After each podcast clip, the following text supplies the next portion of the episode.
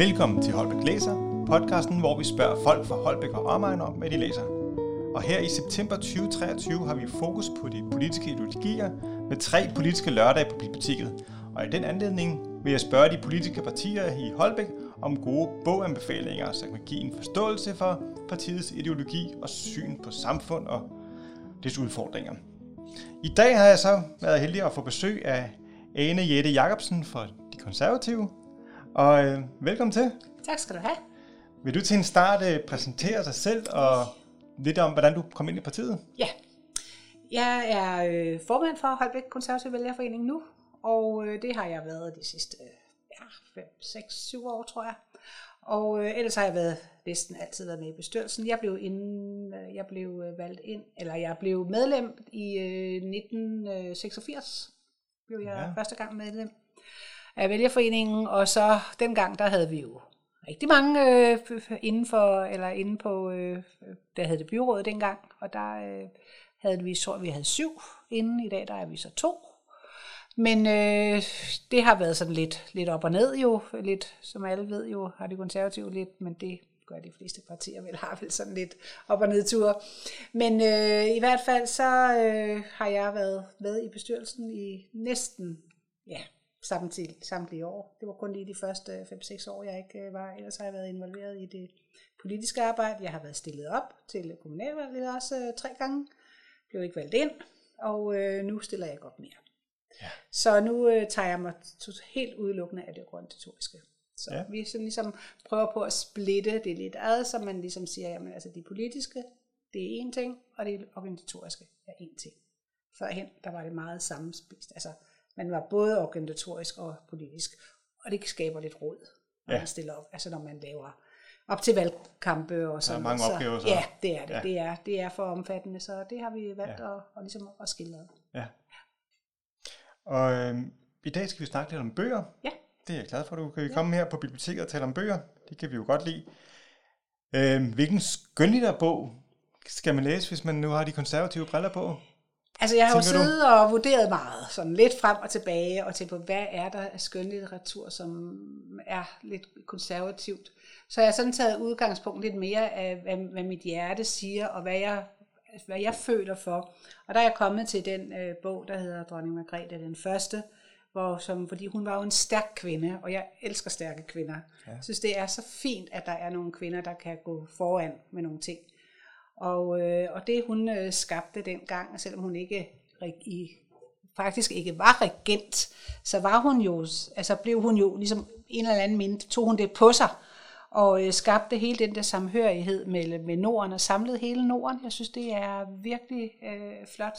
Så sådan noget der, det interesserer mig meget, altså med det der stærke kvinder. Stærke så kvinder, der ja. Var, der ja. er stærke kvinder i dag, men ja. det var der altså også dengang. Der var ja. rigtig, faktisk rigtig mange stærke kvinder. Ja. De var bare lidt, mange gange lidt i baggrunden. Men øh, det var Margrethe den første ikke. Hun var bestemt ikke i baggrunden. Ja. Så den, var, den øh, kan jeg varmt den, den har også været som film. Ja. Så øh, hvis man har set filmen, så, øh, og det har jeg også ja. gjort, så jeg synes, den er, den er fantastisk. Ja. Der fik vi også lige kongehuset ind. Det var ja, altid en god start her ja, på, ja, på at snakke med det konge og fædreland. Ja. ja. Og øh, hvis man skal se mere på noget sådan faglitteratur eller noget konservativ litteratur, hvad har du så ja, taget med i dag? altså, øh, der, det er jo ingen hemmelighed, at øh, os konservative, vi har jo et stort forbillede, og det er jo selvfølgelig Poul Slytter. Ja. Poul Slytter, han var jo øh, den længst siden øh, statsminister, Danmark har haft, så i 11 år sad han og øh, gjorde det fantastisk godt, og øh, havde meget respekt omkring sig. Og han har jo lavet sine øh, erindringer med øh, på hans, øh, hele hans, øh, igennem hans tider, og det synes jeg er en fantastisk bog at læse, hvordan at man, det har, alle de fortrædeligheder, der har været, og hele den der magtkamp, der kan være, og så videre, den synes jeg er en rigtig god bog, og hvis man ligesom godt vil sætte sig lidt ind i, øh, i hvert fald hvad konservatisme er, men det er jo ikke kun det, han gør. Det er jo ikke kun konservatisme, han skrev, for han sagde jo også, jamen altså, man er jo ikke så konservativ, så det gør noget. Ja, det var, det var jo hans, pragmatisk. Det var jo hans øh, indgangsvinkel ja. til tingene, ikke? Så, øh, så han var jo meget fagnende også, og fagnede jo også alle de andre partier. Det var jo derfor, han kunne sidde så mange år, ikke? fordi han, han havde respekt for de andre partier også, og de andre partier havde respekt, respekt for ham. Ikke? Ja. Så, så det synes jeg i hvert fald er en, øh, en fantastisk bog at læse. Det var meget gensidigt, ja. Øhm, og så til sidst i en lidt lettere genre, så vil jeg høre med noget omkring øh, børnelitteratur, om du har Ja, taget noget med der. Altså nu øh, er jeg jo over den, men jeg har da børnebørn, og de er selvfølgelig også store nu, men øh, jeg har da læst rigtig mange øh, bøger for både mine børn og mine børnebørn. Og en, som jeg hele tiden vender tilbage til, det er jo den der Otto af et næsehorn af Søren Kirke, øh, hvad, hedder det, så? Kirkegaard, ikke? Pokker hedder han? Ole Lund Kirke. Ole Lund Kirkegaard, ja, sådan var det. Det var noget med Kirkegaard, det vidste jeg. Øh, og den, øh, altså den der fantasi, som børn har, og altså, tænk, at man kan sidde og tegne en næsehorn på væggen, og så lige pludselig, så bliver den bare levende, og så hele det der, at øh, hans gode ven, og man, kan, man ser, at øh, de kommer farne alle sammen, og i og, og, sådan noget, ikke? Det, det, det synes jeg, altså, sådan noget, det her er rigtig for barnlige sjæle, synes jeg. Ja. ja. Så i Det- en konservativ ånd, så er der også plads til fantasi Yes, og, og den slags yes, der. det skal der være. Ja. Ja, det synes jeg. Jamen, det var der tre gode anbefalinger, som øh, vi kan gå videre med. Og øhm, vi ses jo igen, og det er jo lørdag den 16. september, ja. at ja. konservativ kommer, og Ja. det er sammen med SF. Med sammen med FCF, ja. Kan du fortælle lidt om, hvad der kommer til at ske den dag? Ja, altså vi, øh, det, det er jo fra klokken, fra klokken 10 til klokken 13.